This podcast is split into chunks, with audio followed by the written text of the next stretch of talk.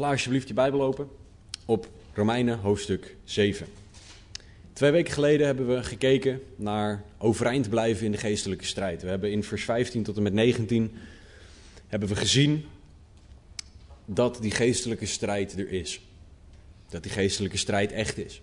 We hebben gezien dat God ons ook alles gegeven heeft om in die geestelijke strijd overeind te blijven. En specifiek hebben we toen ook gekeken naar Efeze 6, de wapenrusting van God.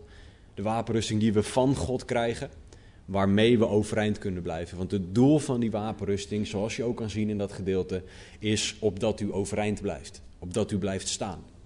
dat is wat God wil.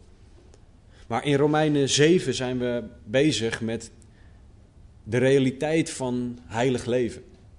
Zijn we bezig met de realiteit van meer gaan leven zoals Jezus Christus. En we gaan vandaag zien wat de worsteling van heilig leven is. Want dat is waar Paulus ons in aan het onderwijzen is. Paulus schrijft een brief aan de christenen in Rome, waarin hij ze in het begin van de brief vertelt dat, ze tot, of dat mensen tot geloof moeten komen. Wat de noodzaak is voor redding. Want hij zei op een gegeven moment in Romeinen 3 dat alle mensen doemwaardig zijn voor God. Door ons gedrag, door onze zonde. Alle mensen verdienen het om in de eeuwigheid in de hel te zijn op basis van onze daden. Want zonde verdient straf en die straf is een eeuwigheid in de hel. Maar Paulus heeft gezegd: als je dat weet, weet dan wat de weg naar redding is. Want hij zei het niet alleen om duidelijk te maken dat er een probleem is, maar God heeft ook een uitweg gegeven en dat is geloof in Jezus Christus. Geloof in Jezus Christus alleen is de uitweg om niet in de hel, maar in de hemel terecht te komen. Om niet, om niet zonder relatie met God te leven, maar met een relatie met God te leven. En Paulus heeft uitgebreid laten zien wat dat geloof is, hoe dat geloof werkt. Maar ook daar stopt het niet. Want het is niet zo dat God je tot, of dat je tot geloof komt en dat God dan zegt: Nou, top, doel bereikt, volgende. God gaat dan met je aan de slag en dat is het proces van heiliging. Dat is het proces van meer worden zoals Jezus. Het proces van gaan leven zoals Jezus was en is. En dat proces, zegt Paulus, moeten we niet verkeerd zien. We moeten dat proces zien voor wat het is. En het is gewoon soms een worsteling. Ik had het er vanochtend met John over en hij omschreef het als touwtrekken. Nou, dat, vandaar ook het, het, plaatje dat, dat gemaakt is voor de sociale media en ook voor, voor, de, voor de banner hier. Het touwtrekken. De ene keer doe je een stapje naar voren en dan verlies je wat grond. De andere keer mag je geleid door de geest wat stappen naar achteren nemen en mag je overwinnen. Mag je een overwinning behalen. Maar het is continu dat, dat heen en weer. En dat zeg ik niet om zonde goed te praten. Want Paulus zelf zegt, in vers 18 bijvoorbeeld, het, het willen is er bij mij wel, maar het goede teweeg brengen, dat vind ik niet. En Paulus gebruikt dat nooit als een excuus om te zondigen, maar wel om de realiteit van heiliging te laten zien. En vanochtend gaan we kijken dan naar de worsteling van heilig leven, maar vooral ook de overwinning in de worsteling van heilig leven. Dus laten we samen lezen Romeinen 7. We gaan vanaf vers 20 tot en met het einde van het hoofdstuk gaan we lezen. Paulus schrijft hier: Als ik nu dat doe wat ik niet wil, breng ik dat niet meer teweeg, maar de zonde die in mij woont. Ik ontdek dus deze wet in mij.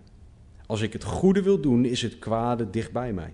Want naar de innerlijke mens verheug ik mij in de wet van God, maar in mijn leden zie ik een andere wet, die tegen de wet van mijn verstand strijd voert en mij tot gevangene maakt van de wet van de zonde die in mijn leden is. Ik, ellendig mens, wie zal mij verlossen uit het lichaam van deze dood? Ik dank God door Jezus Christus onze Heer. Zo dien ik dan zelf wel met het verstand de wet van God, maar met het vlees de wet van de zonde. Laten we bidden. Vader God, dank u voor uw woord. Dank u dat uw woord zo goed is, dat uw woord louterend is, oftewel dat het ons puur maakt. En heren, dat is mijn gebed ook vandaag, dat u ons zal heiligen. Dat u mensen tot geloof brengt vandaag. Laat er geen woorden van mij bij zitten. Laat elk woord dat gesproken wordt, een woord van eeuwig leven zijn. En heren, doe alstublieft dat wat alleen u kan doen. Raakt uw hart aan, alstublieft, heren. We bidden en vragen dit in Jezus' naam. Amen. Paulus is de christenen in Rome aan het vertellen over heiliging. Het proces dat, zoals al gezegd, direct start nadat je tot geloof gekomen bent en wat duurt totdat je sterft of opgenomen wordt. En dit proces van heiliging is niet iets dat nieuw is. Het proces van, of het heilig leven, waar Paulus op doelt, is niet iets nieuws. In de Torah, de eerste vijf boeken van de Bijbel, wordt deze opdracht al door God aan Mozes gegeven. En daarmee aan Israël. Mozes liet aan Israël zien dat God heilig is en dat heilig leven de standaard was. Dat heilig leven de enige weg naar een relatie met God was. Dat is ook waarom in het boek Leviticus continu de lat op heilig wordt gelegd. Omdat God duidelijk wil maken dat heilig de enige weg naar een relatie met God is. In Exodus 3, voordat Mozes de wet op mag schrijven, ziet Mozes een brandende struik. Nou was dat niet zo heel bijzonder, maar het feit dat de struik niet opbrandde was bijzonder. En hij liep naar die struik toe en die struik begon ook nog te praten. En gek dat Mozes was, praatte die terug. Heel bijzonder. Als er een brandende struik ziet die niet opbrandt en die begint ook nog te praten, is niet mijn eerste neiging om terug te gaan praten.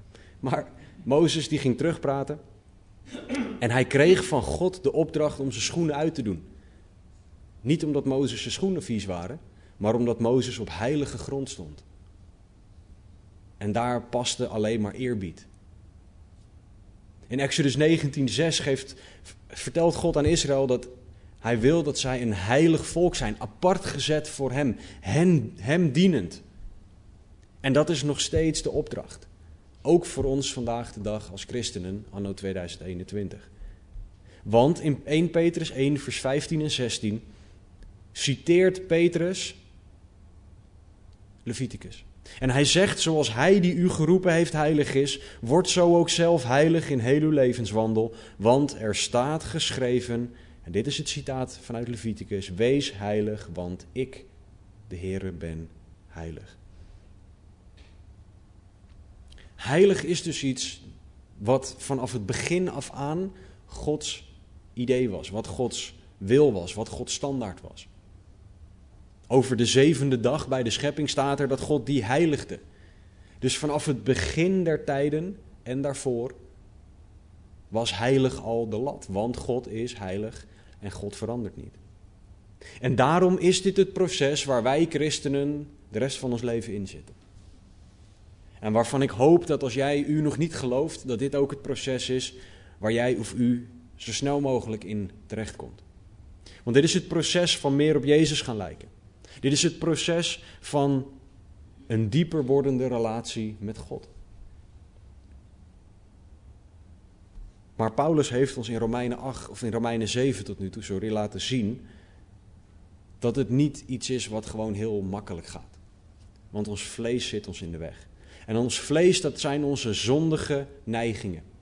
Onze oude zondige wil, die alleen maar wil wat ik wil. Ik wil me lekker voelen. Dus daarom doe ik ik wil iets en daarom moet het gebeuren.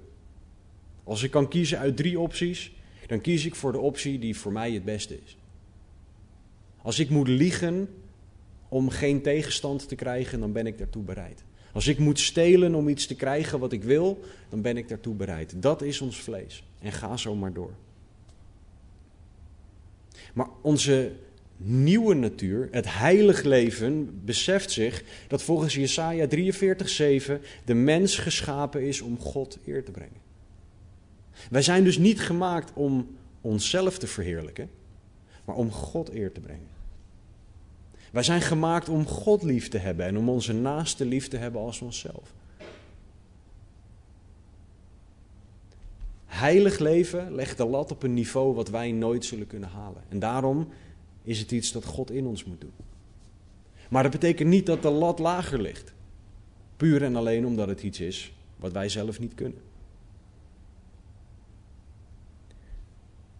Paulus die ziet dit in vers 20. Hij zegt: Als ik nu dat doe wat ik niet wil, breng ik dat niet meer teweeg, maar de zonde die in mij woont. Hij wil wel heilig leven, maar de zonde zit hem in de weg. Er is altijd wel een zonde die hem wil verleiden.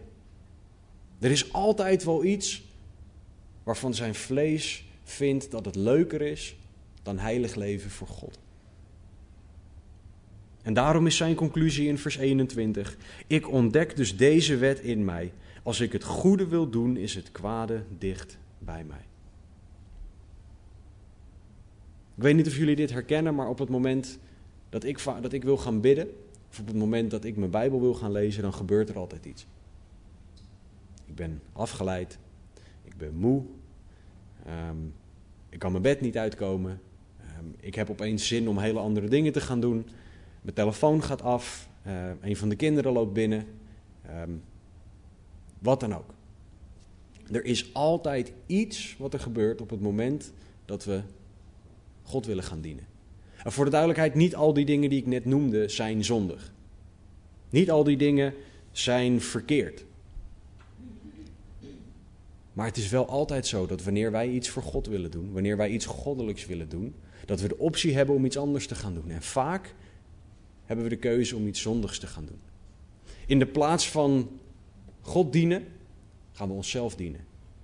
In de plaats van bidden, gaan we tv kijken naar een programma dat eigenlijk alleen maar ons van God afhoudt. En dan hoeft het niet per se iets heel openlijk fouts te zijn, maar gewoon iets waardoor onze gedachten verhard worden. Kijk maar eens hoe normaal wij bepaald gedrag vinden in tv-series en films. En dat zeg ik ook tegen mezelf. Als er heel veel mensen doodgeschoten worden in een, in een film, dan vinden we dat gemiddeld gezien niet heel erg.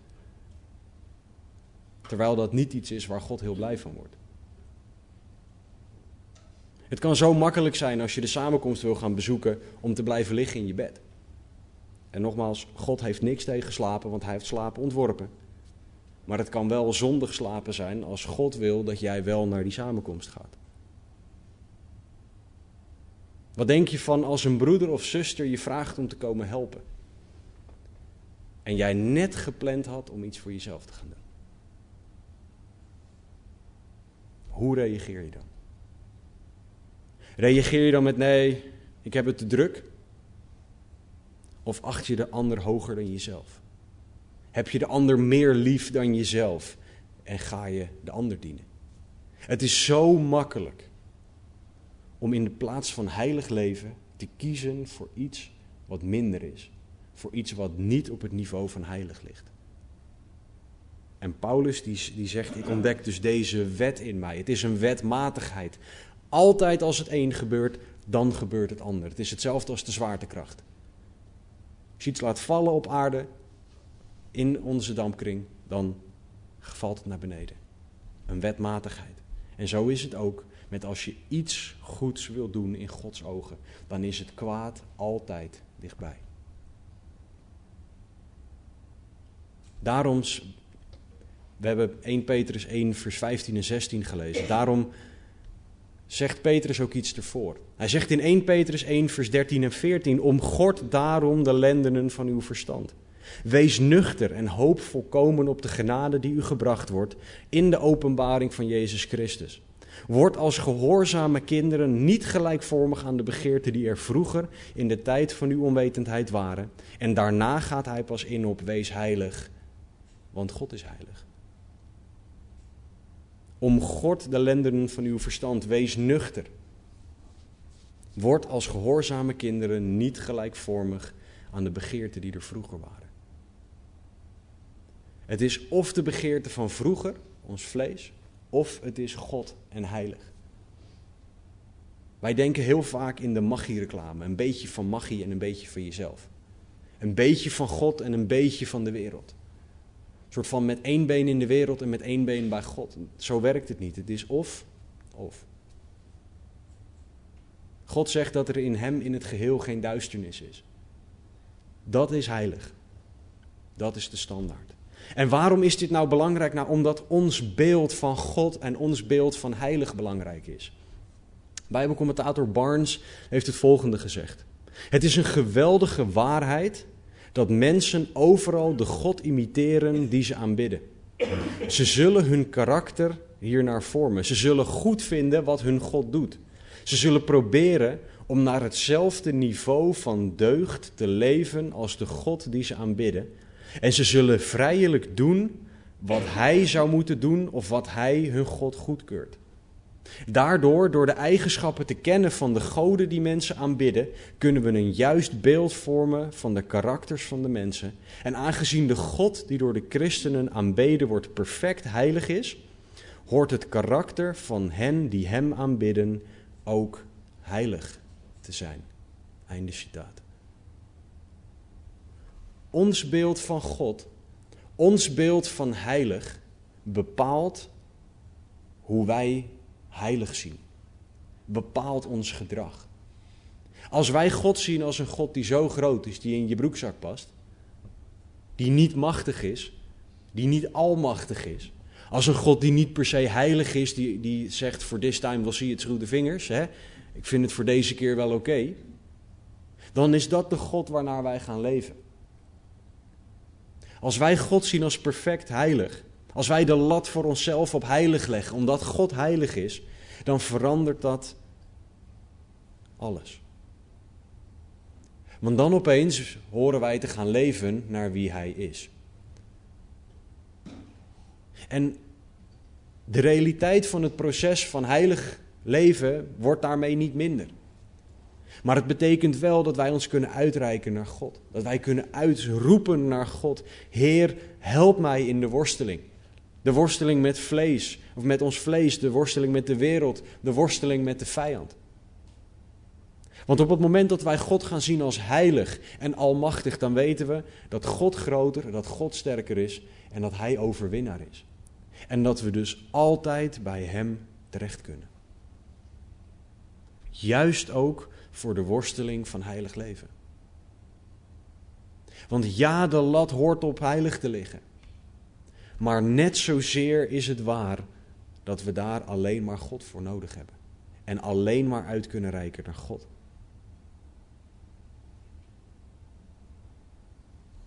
Paulus zegt in vers 22, wat naar de innerlijke mens verheug ik mij in de wet van God. Paulus gaat hier een contrast schetsen tussen vers 22 en vers 23. En dat zien we aan het woordje, het eerste woord van vers 23. Maar. Maar in mijn leden zie ik een andere wet, die tegen de wet van mijn verstand strijd voert en mij tot gevangene maakt van de wet van de zonde die in mijn leden is. Wat zegt Paulus hier nou? Mijn nieuwe natuur wil heilig leven. Ik ben een nieuwe schepping, zegt Paulus, 2 Korinthe 5, 17. Het oude is voorbij gegaan, alle dingen zijn nieuw. Mijn innerlijke mens verheugt zich in de wet van God. De innerlijke mens wordt blij van het doen van Gods wil. Maar in mijn leden, in zijn lichaam, ziet Paulus een andere wet. Die strijd voert tegen zijn verstand, tegen wat zijn nieuwe natuur wil. In deze wereld wil men niet horen over zonde, wil men niet horen over heilig leven. In deze wereld wil men niet horen over verantwoordelijkheid nemen voor je zonde. Maar dat is wel wat God wil dat wij doen. Want de innerlijke mens, die moet rein en heilig voor God leven. Die moet rein en heilig voor God staan. De innerlijke mens wil schoongewassen voor God staan. Wat betekent dat wij verantwoordelijkheid moeten nemen voor onze daden. Wat betekent dat wij vergeving moeten vragen aan God. En dan mogen we weten, zoals 1 Johannes ons leert, dat God ons ook vergeeft. Maar je kan pas vergeving voor iets vragen als je ook vindt dat jij gezondigd hebt. En voor de duidelijkheid, sorry en vergeving zijn twee totaal verschillende werelden. Ik heb het vaker gezegd, sorry is als je tegen iemand aanloopt in de gang. Als je per ongeluk op iemand zijn tenen gaat staan. Vergeving vragen is toegeven, ik heb gezondigd tegen jou, vergeef mij alsjeblieft waarbij je specifiek benoemt wat je gedaan hebt. De wereld denkt niet zo. De wereld is altijd op zoek naar een schuldige. Zolang die maar niet de persoon is die jij in de spiegel ziet. De wereld wil dat je terugkijkt en naar binnen kijkt. Om te gaan zoeken naar wie iets jou aangedaan heeft waardoor dit jouw gedrag is. Dat is wat de psychologie ons leert. Want dat is gebaseerd op humanistisch denken. De mens heeft genoeg in zich om alles te kunnen bereiken wat de mens wil. De Bijbel zegt het volgende, Filippenzen 3:14. Eén ding doe ik, vergetend wat achter mij is, mij uitstrekkend naar wat voor mij is, jaag ik naar het doel, de prijs van de roeping van God die boven is in Christus Jezus. Waar de psychologie ons wil leren dat om een nieuw mens te worden je naar binnen moet kijken en terug moet kijken naar het verleden, zegt God iets compleet anders. God zegt: vergeet wat achter je is. Strek je uit naar voren en kijk omhoog. De psychologie kijkt naar binnen en terug. De Bijbel zegt: kijk naar voren en omhoog. Het is een compleet ander perspectief. En dat is het perspectief dat wij als christenen horen te hebben. Dat is het perspectief dat wij horen te hebben op basis van de nieuwe schepping die we zijn. Op basis van de innerlijke mens die zich verheugt in de wet van God. Deze innerlijke mens is de nieuwe schepping waar wij naar mogen leven. De nieuwe mens die de juiste dingen wil doen, de dingen van God. De nieuwe mens die naar God toe wil gaan en wil zeggen: Heer, ik heb gezondigd, vergeef mij. De nieuwe mens die wil leven op het niveau van heilig en weet dat het uit jezelf niet mogelijk is. Over die oude en die nieuwe mens heeft Paulus in Efeze 4 het volgende gezegd. In Efeze 4, vers 22 tot en met 24 zegt hij: dat, hij zegt namelijk dat u wat betreft de vroegere levenswandel de oude mens aflegt, die te gronden gaat door misleidende begeerten, en dat u vernieuwd wordt in de geest van uw denken en u bekleedt met de nieuwe mens, die overeenkomstig het beeld van God geschapen is, in ware rechtvaardigheid en heiligheid. God zegt dat de nieuwe mens in ware rechtvaardigheid en heiligheid geschapen is. Dat ons denken vernieuwd moet worden. Wat voor reden heb je dan nog als christen om naar binnen en terug te kijken? Als je weet dat er in jou, in jouw zondige natuur, niks goeds is. Wat voor reden heb je om daar naar te kijken? Kijk, soms kan het heel nuttig zijn hè, om je te realiseren waar je vandaan komt. Om je te realiseren dat je zondig bent en dat God geweldige dingen gedaan heeft. Je ziet Paulus zich ook, je ziet Paulus ook terugkijken op waar God hem vandaan gebracht heeft. Dat zien we op verschillende momenten, maar dat is altijd alleen maar om daarna direct vooruit te kijken. Om vooruit te kijken naar God, naar zijn roeping, naar hoeveel God nog wil gaan doen en van waar God hem veranderd heeft naar wie hij nu is. Het is nooit om een oorzaak te zoeken voor zijn gedrag. Wij horen een nieuwe mens te zijn. Vernieuwd in ons denken, geschapen in het beeld van God in ware rechtvaardigheid en heiligheid. Dat is wie jij bent als je tot geloof bent gekomen in Jezus Christus. Dat is wie jij bent als Jezus voor jou de zoon van God is, zoals de Bijbel hem omschrijft. Dat zijn bijbelse waarheden. En tegelijkertijd is Romeinen 7, vers 23 ook een bijbelse waarheid. Die continue worsteling die we hebben. Die worsteling van heilig leven, dat touwtrekken.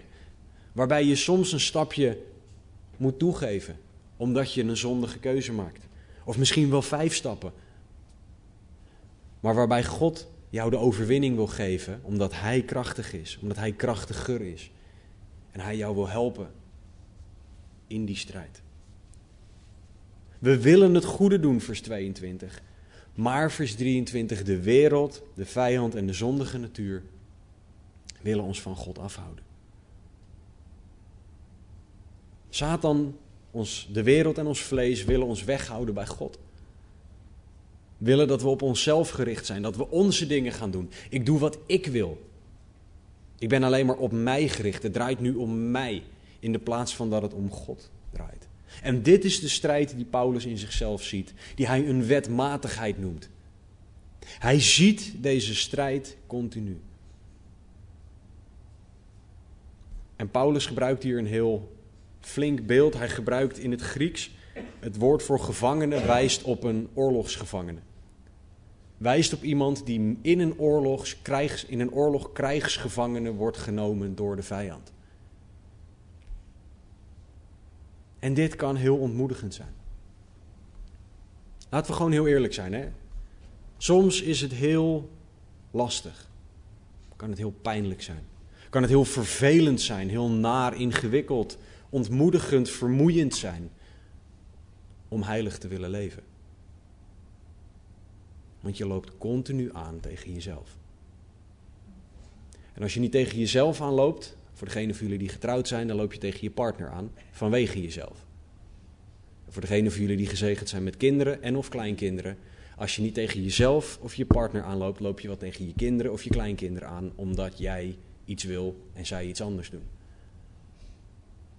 En als het niemand van die is, dan is er wel iets of iemand anders die jou zou aanzetten om iets te doen wat niet van God is. Dan heb je die irritante buurman, die vervelende collega, die persoon die je afsnijdt in het verkeer. Dan heb je de overheid die niet doet wat jij wil. Heb je de economie die niet meewerkt, die baan die, nou ja, wat dan ook. En het kan soms zo ontmoedigend zijn. En dan gaan, krijg je soms van die gedachten van, nou ja, laat maar zitten. Of zo ben ik nou eenmaal. Ook zo mooie, een soort christelijk jargon. God is met mij bezig. En dat kan soms een hele ware zin zijn, hè? Maar soms gebruiken we het ook als een excuus om maar door te kunnen gaan met zondigen. Nog zo eentje, je weet niet wat ik heb meegemaakt en dat klopt, dat weet ik ook niet. Maar tegelijkertijd is het zo dat als jij gelooft in Jezus, je een nieuwe schepping bent. Tegelijkertijd is het zo dat als jij in God gelooft, alle dingen nieuw zijn en al het oude voorbij is. En de vijand wil graag dat jij ontmoedigd wordt, dat jij alleen maar pijn ziet en voelt, dat jij verward bent of ingewikkeld, dingen alleen maar als ingewikkeld ziet. De vijand wil jou machteloos, waardeloos, nutteloos, afgewezen doen voelen in deze worsteling, want de worsteling is echt. We kunnen nooit zeggen dat het gewoon makkelijk is om heilig te leven. Degene die dat zegt, wil ik heel graag een keer mee praten. Want dan wil ik heel graag van je horen hoe je dat doet. En de vijand wil dat jij zo denkt, dat jij je zo voelt. Maar tegelijkertijd mogen we dan weten dat God niet zo over ons denkt. Want waar wij waardeloos en nutteloos zien, omdat we misschien een keer gevallen zijn in zonde, zegt God in Jesaja 41:10: Wees niet bevreesd, want ik ben met u. Wees niet verschrikt, want ik ben uw God, ik sterk u. Ook help ik u, ook ondersteun ik u met mijn rechterhand die gerechtigheid werkt. Op de momenten dat je je afgewezen en verslagen, niet geliefd voelt, mag je je vasthouden aan Jeremia 31:3. Van verre tijden af is de Heer aan mij verschenen. Met eeuwige liefde heb ik u lief gehad, zegt God. Daarom heb ik u getrokken met goedertierenheid. Met eeuwige liefde heb ik u lief gehad. Dat is hoe God over jou denkt, over u denkt. Dat is hoe God kijkt. Ook wanneer wij worstelen. Want God staat niet klaar met een zweep op het moment dat wij gevallen zijn in zonde. En dat hij zegt: Kom maar hier. Buig maar voorover. Flink pak op je billen. De volgende keer doe je het beter. Ja, dat is niet hoe God is. Dat is hoe wij misschien zijn als ouders. Dat is misschien hoe wij dingen mee hebben gekregen als kinderen van onze ouders. Of hoe we dingen horen van anderen. Maar God is een liefdevolle vader. Hij zegt: Met eeuwige liefde heb ik u lief gehad. Met eeuwige liefde. Dat is hoe God naar ons kijkt. En tuurlijk, God zal niet zonde laten gaan. Dit is geen pleidooi van, nou ja, hè, het maakt allemaal niet uit, God is toch liefde. Nee, God is heilig. En hij blijft heilig en de lat blijft op heilig. Maar hij wil je wel overeind helpen. Wanneer je valt, zal God klaarstaan om je overeind te helpen. Want, Psalm 147, 3, Hij geneest de gebrokenen van hart. Hij verbindt hen in hun leed. Psalm 36, 8, Hoe kostbaar is uw goedertierenheid, o God. Daarom nemen de mensenkinderen de toevlucht onder de schaduw van uw vleugels. Er is zoveel liefde, zoveel genade, zoveel zorg bij God. Juist ook in de worsteling van heilig leven. Juist ook wanneer wij leren om meer en meer heilig te leven naar Gods wil. Want God weet wie we zijn. God zegt in de psalmen dat hij weet dat wij als het stof zijn. En ik heb een keer een wijsman horen zeggen: stof kan niks. Dat zijn soms van die waarheden die, waar je overheen kijkt. Stof kan niks uit zichzelf. Wij zijn als het stof, zegt God. Dus God weet dat wij dit niet kunnen. En daarom mogen we zo blij zijn dat God zo op deze manier met ons omgaat. Dit is hoe God omgaat met onze pijn. Met onze vragen, met onze twijfels, met ons verdriet, met onze worstelingen. En de ultieme manier waarop we dat zien is Jezus Christus. Want Jezus stierf aan het kruis. God gaf zijn zoon het maximale wat hij kon geven, omdat hij van je houdt. En hij deed dat terwijl jij al een zondaar was. Terwijl jouw zonde al scheiding maakte tussen jou en God. Dat is wie God is. Dat is hoe ontzettend veel God van jou houdt. De wereld wil dat wij vasthouden aan ons verleden, dat wij vasthouden aan de dingen die ons overkomen zijn. Dat we daarin gaan zoeken naar een schuldige. God zegt dat we juist alles aan Hem over mogen geven. Het, het oude is voorbij gegaan, vergetend wat achter ons is. Dat is wie God is. En voor de duidelijkheid, God weet alles. Dus God weet ook wat jou in het verleden overkomen is. Maar hij wil dat we al die dingen achterlaten. Om achter onze hoopvolle toekomst met hem aan te gaan. En weet je wie deze God ook is? De God van Joel 2, vers 25. En nu denk je misschien, wat is dat? Dat zegt dit. En daar zegt God iets prachtigs. God zegt, ik zal u de jaren vergoeden. Die de veldsprinkhaan, de jonge sprinkhaan, de zwermsprinkhaan en de treksprinkhaan hebben opgegeten. Nu denk je misschien, wat heeft dit nou weer met sprinkhanen te maken? Wat er hier aan de hand was, is dat de letterlijke oogst en alles wat Israël had, was opgegeten door sprinkhanen. Ze hadden niks meer over. Ze hadden geen toekomst. Hun alles was weg. En God zegt: Ik zal die jaren vergoeden. Hij zegt: Ik zal dat op zo'n manier doen dat je er niet eens meer aan denkt. Een praktisch voorbeeld daarvan is Job. Job heeft verschrikkelijke dingen meegemaakt. Maar als je ziet aan het einde van Job hoeveel God hem zegent, hoeveel meer hij van God krijgt, omdat hij God meer is gaan begrijpen.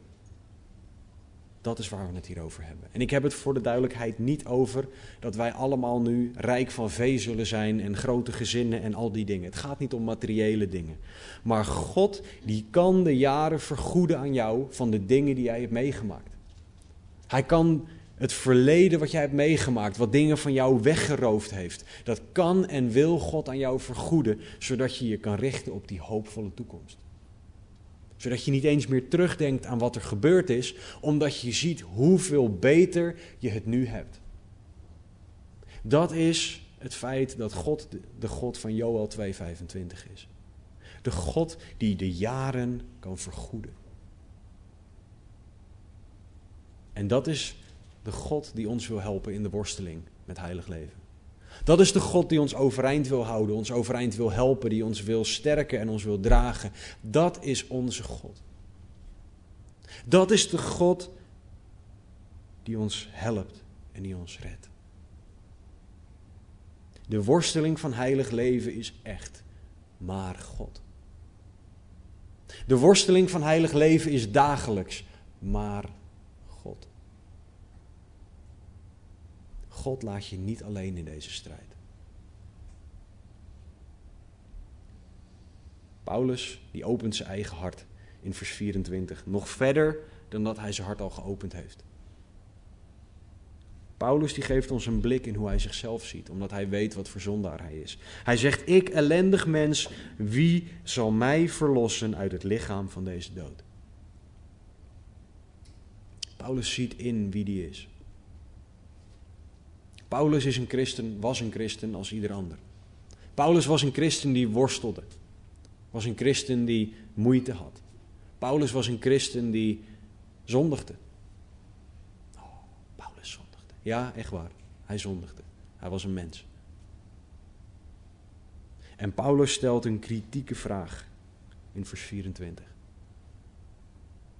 Hij zegt: Wie zal mij verlossen uit het lichaam van deze dood? Paulus vraagt hier om een wie. Niet om een wat, om een methode, om een formule. Niet om een methodiek of wat dan ook. Hij zoekt een persoon die hem zal verlossen. In deze wereld zijn mensen op zoek naar de vijf stappen naar rijk worden. De drie stappen naar rust. Of de tien stappen naar een gelukkig huwelijk. Of weet ik het wat. De vraag is altijd wie. Niet wat. Niet hoe. De vraag is wie. Want een wat betekent dat jij nog steeds zelf dingen kan gaan doen. Als jij zelf een stappenplan kan uitschrijven om heilig te gaan leven, dan kan jij het zelf. Als jij zelf een formule weet om iets te gaan doen, dan kan je dat zelf gaan uitvoeren. En Paulus die zegt, ik kan het niet, ik heb iemand anders nodig. Want het is heel ellendig om zelf te proberen te leven naar Gods wil, want dan kom je erachter hoezeer je tekortschiet. Het is heel ellendig om zelf strijd te voeren om heilig te leven. Want die ga je verliezen. Want Satan is slimmer en sterker dan jij. Je vlees is slimmer en sterker dan jij. Het is heel ellendig om zelf te proberen een christen te zijn. Dat gaat je nooit lukken. Het antwoord is zo mooi. Vers 25. Ik dank God door Jezus Christus onze Heer. Het antwoord op de vraag wie zal mij verlossen is Jezus Christus. En God verlost door Jezus Christus. Jezus is de enige persoon die kan redden. Jezus is de enige persoon die ons heilig kan laten leven. Jezus is de enige die ervoor kan zorgen dat wij God gaan dienen en God gaan eren. Alleen Jezus. In de worsteling van heilig leven is Jezus het enige antwoord. Voor redding, voor verlossing, voor overwinning. Maar de vraag is, nu je het antwoord hebt, nu je het antwoordenboekje voor je hebt bij de toetsvraag wie, wat doe je ermee? Want je kan het antwoord hebben zonder er iets mee te doen. Nu je weet dat die strijd er is, nu je weet dat die worsteling er is, nu je ervoor mag uitkomen dat jij ook die worsteling hebt, net zoals ik, net zoals Paulus, net zoals ieder ander. Nu je het antwoord op die worsteling hebt, is de vraag: reik jij uit naar Jezus? Want Jezus die zegt over zichzelf in Matthäus 28, 18: Mij is gegeven alle macht in hemel en op aarde. Nou, dat klinkt voor mij als de perfecte persoon om te vragen om hulp. Met mijn werk ben ik soms op zoek naar iemand die hoger in de hiërarchie zit. Bedrijven waarvoor ik werk is nogal hiërarchisch. Ehm, iemand hoger in de hiërarchie die meer macht heeft om iets voor elkaar te krijgen. Soms werkt dat jammer genoeg op deze manier bij mijn werkgever. Maar als je dan die ladder omhoog klimt om te kijken naar wie dan macht heeft, dan heb je vaak de persoon helemaal bovenaan, de, de directeur, die vindt dat hij echt macht heeft. En, hier, en Matthäus 28, 18 is Jezus die even op de schouder tikt en zegt: Mij is gegeven alle macht. Dus wie wij ook denken om hulp te kunnen vragen. Jezus is gegeven alle macht. En niet eens alleen op de aarde, in hemel en aarde. Naar wie zou je nog meer toe willen gaan? Er is geen ander logisch antwoord dan Jezus Christus.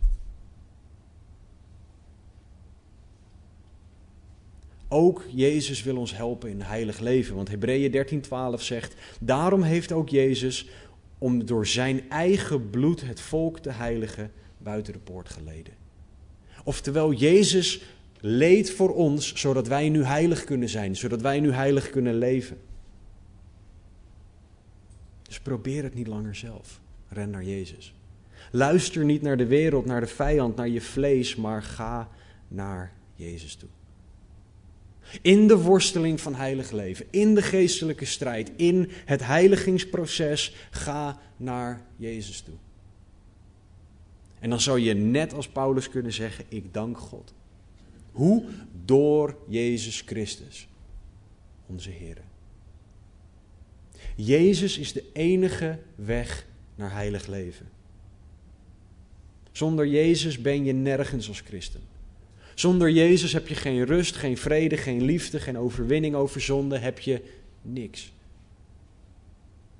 Dus laat Jezus jou leiden in het maken van keuzes. Laat Jezus jou leiden in je denken, je doen en je laten. En dit is op wie Paulus zich richt. Dit is het doel van Paulus' uitroep. Om zichzelf, de christenen in Rome en in het verlengde daarvan ons, op zichzelf te richten. Paulus is tegelijkertijd heel realistisch. Dit is een fantastische waarheid waar wij elke dag op moeten leren bouwen. Dit is een keuze voor elke dag. Maar vers 26. Zo dien ik dan zelf wel met het verstand de wet van God, maar met het vlees de wet van de zonde. Zelfs wanneer jij het uitroept naar Jezus, wanneer Jezus jouw vertrouwen is, jouw alles is, is de strijd niet weg. Ah, waarom nou? Omdat we nog op deze aarde leven. En ik weet dat dat een heel naar antwoord is. En tegelijkertijd is Jezus ook op deze aarde. Dus hoe naar we de strijd ook vinden, er is altijd een uitweg, omdat Jezus er is. Christen, voor jou is de keuze om elke dag voor Jezus te gaan. De keuze ligt voor jou om je elke dag toe te wijden aan Jezus en Jezus alleen. Christen, jij moet het elke dag uitroepen naar Jezus. Wie zal mij verlossen? Jezus Christus zal mij verlossen. Daar moet je jezelf aan herinneren. En je moet elke dag in de strijd, in de worsteling om heilig te leven, moet je naar Jezus toe gaan. Jezus zelf verwoordde het als volgt in Lucas 9:23. Als iemand achter mij wil komen, oftewel mijn discipel wil zijn, moet hij zichzelf verloochenen, oh, zijn kruis dagelijks opnemen oh, en mij volgen. Jee, dat gedeelte vinden we altijd leuk. Maar die twee stappen ervoor zijn, net, zijn zo ongelooflijk belangrijk. En Lucas, arts dat hij was, gaf de belangrijke details. Hij moet zichzelf verloochenen, zijn kruis dagelijks opnemen. Dit is niet een eenmalig iets. Ik heb mijn kruis op me genomen, top, klaar, volgende. Dit is iets wat je dagelijks moet doen. Dagelijks je kruis op je nemen. Dagelijks achter Jezus aangaan. Dagelijks jezelf overgeven aan Jezus. Dagelijks vergeten wat achter je is en je uitstrekken naar wat voor je is. Dagelijks je vlees aan het kruis nagelen om alleen maar Jezus te kunnen zien en te kunnen volgen.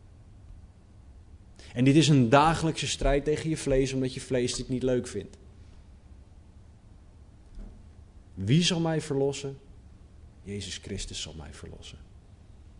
Dit is de worsteling van heilig leven, waar, waar we in Jezus Christus overwinning hebben. En dat is ook, we vieren vanochtend heilig avondmaal, waar we zo dankbaar voor mogen zijn. Dat we in Jezus Christus, door het kruis, door zijn opstanding, deze overwinning hebben. Dat we überhaupt de mogelijkheid hebben om uit te roepen: wie zal mij verlossen? En dat het antwoord Jezus Christus is.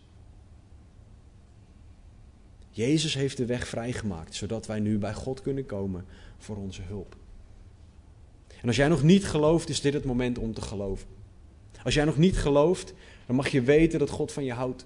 Dan mag je weten dat God zijn leven voor jou gaf. Dan mag je geloven in Jezus als zoon van God. En mag je beleiden dat je een zondaar bent. Mag je om vergeving vragen voor je zonde. En het woord belooft dat je dan gered zal zijn. Christen, is heilig leven voor jou überhaupt een prioriteit? Denk jij wel eens na over heilig en dat God heilig is en dat jij heilig hoort te leven? Het antwoord nee is, ga dan naar de Heer toe, want het is voor hem wel belangrijk. Het is niet voor niets dat Petrus citeert wat er in het Oude Testament staat. Als God iets herhaalt, vindt God het heel erg belangrijk. En hij herhaalt deze opdracht om heilig te leven tot meerdere malen toe, door het hele woord heen. Dus als het voor God belangrijk is, hoort het voor ons ook belangrijk te zijn. Christen, herken jij de worsteling van heilig leven of laat je het maar gewoon gaan en probeer je het niet eens meer? Als jij het opgegeven hebt of als je de worsteling niet herkent, vraag dan aan God om het verlangen om heilig te leven weer aan te wakkeren. Vraag dan aan God om alles uit jou weg te halen wat in de weg zit. En voor de duidelijkheid, dat is een heel gevaarlijk gebed. Als je dat aan God vraagt, dan gaat hij dat ook doen. Maar dat is niet per se leuk. Het is goed. Het is het beste dat je kan overkomen, maar het proces is gewoon soms heel pijnlijk. Omdat je door dingen heen moet, je eigen zondigheid ziet, et cetera. Maar het is wel de enige weg naar een relatie met God. Als jij de worsteling voor heilig leven wel herkent, roep het uit naar Jezus. Als jij de worsteling niet herkent, roep het uit naar Jezus. Als jij nog niet gelooft, roep het uit naar Jezus. Als het goed met je gaat, roep het uit naar Jezus. Als het slecht met je gaat, roep het uit naar Jezus. Wie zal mij verlossen? Het antwoord is Jezus. Maar specifiek in de worsteling van heilig leven, roep het uit naar Jezus. We moeten inzien dat Jezus onze uitweg is en Jezus alleen. We gaan onze hulp niet vinden in de wereld, niet in de psychologie, sorry, niet in magazines, YouTube, niet in artikelen, niet in self-help in vijf of tien stappenplannen. Het enige antwoord is Jezus. Dus ga naar Jezus toe. Wanneer we zo avondmaal vieren, het aanbiddingsteam zal zo direct weer naar voren komen, zal ons leiden in een aantal liederen. Maar wanneer je avondmaal neemt, als je avondmaal neemt, ga naar Jezus toe. Avondmaal bij ons in de gemeente is voor iedereen die in Jezus gelooft als zoon van God. Geen lidmaatschap, geen leeftijdseis. Het is tussen jou en God of jij echt gelooft in Jezus als zoon van God. Dat is de enige vraag. En die is tussen jou en God. Als jij gelooft, doe je mee. Ga wel eerbiedig naar de Heer toe. Vraag Hem of er nog iets is wat tussen jou en Hem instaat. Of er nog zonde, twijfels, pijn, vragen en dingen zijn die je gewoon aan Hem mag geven. Zonde om te beleiden en om vergeving te vragen. Doe dat. Zet dingen recht voordat je avondmaal neemt. Paulus schrijft in 1 Korinthe 11. Want ik heb van de Heer ontvangen wat ik u ook heb overgeleverd. Dat de Heer Jezus in de nacht waarin hij werd verraden brood nam en nadat hij gedankt had brak hij het en zei neem eet, dit is mijn lichaam dat voor u gebroken wordt. Doe dat tot mijn gedachtenis. Evenzo nam hij ook de drinkbeker en na het gebruiken van de maaltijd en hij zei deze drinkbeker is het nieuwe testament in mijn bloed. Doe dat zo dikwijls als u die drinkt tot mijn gedachtenis. Want zo dikwijls als u dit brood eet en deze drinkbeker drinkt, verkondigt de naam van de Heere totdat hij komt. Laten we bidden. Heer Jezus, dank u wel dat u het antwoord bent. Dank u wel dat in de worsteling van heilig leven, in de worsteling van dit leven, in elke situatie, dat u alleen het antwoord bent. En Heere, vergeef ons dan wanneer wij niet naar u toe gaan. Vergeef ons dan wanneer wij onze hulp gezocht hebben in iets of iemand anders dan u. Heere, vergeef ons waar wij zoeken naar een wat in de plaats van een wie ons zal verlossen. Heer, toon ons uzelf alstublieft. Verander onze gedachten, zodat wij u zullen eren. Heer, het is mijn gebed dat u uzelf kenbaar zal maken aan een ieder. Heer, mensen die nog niet geloven, breng ze op dit moment tot geloof, omdat u uzelf aan hen laat zien. Heer, mensen die vermoeid en belast zijn, Heer, laat ze zien dat u het antwoord bent. Heer, wanneer we onszelf waardeloos of nutteloos achten, Heer, omdat we misschien weer een keer gefaald hebben, help ons om te zien dat u het antwoord bent. Heer, laat een ieder zien of er nog iets tussen u en ons instaat voor het nemen van het avondmaal. En maak ons opnieuw onder de indruk, Heer, van wie u bent en wat u gedaan hebt. Van hoe groot uw liefde is. Van hoe groot het offer aan het kruis is. Heer, uw naam zij geprezen. Toon ons uzelf alstublieft. Dank u wel.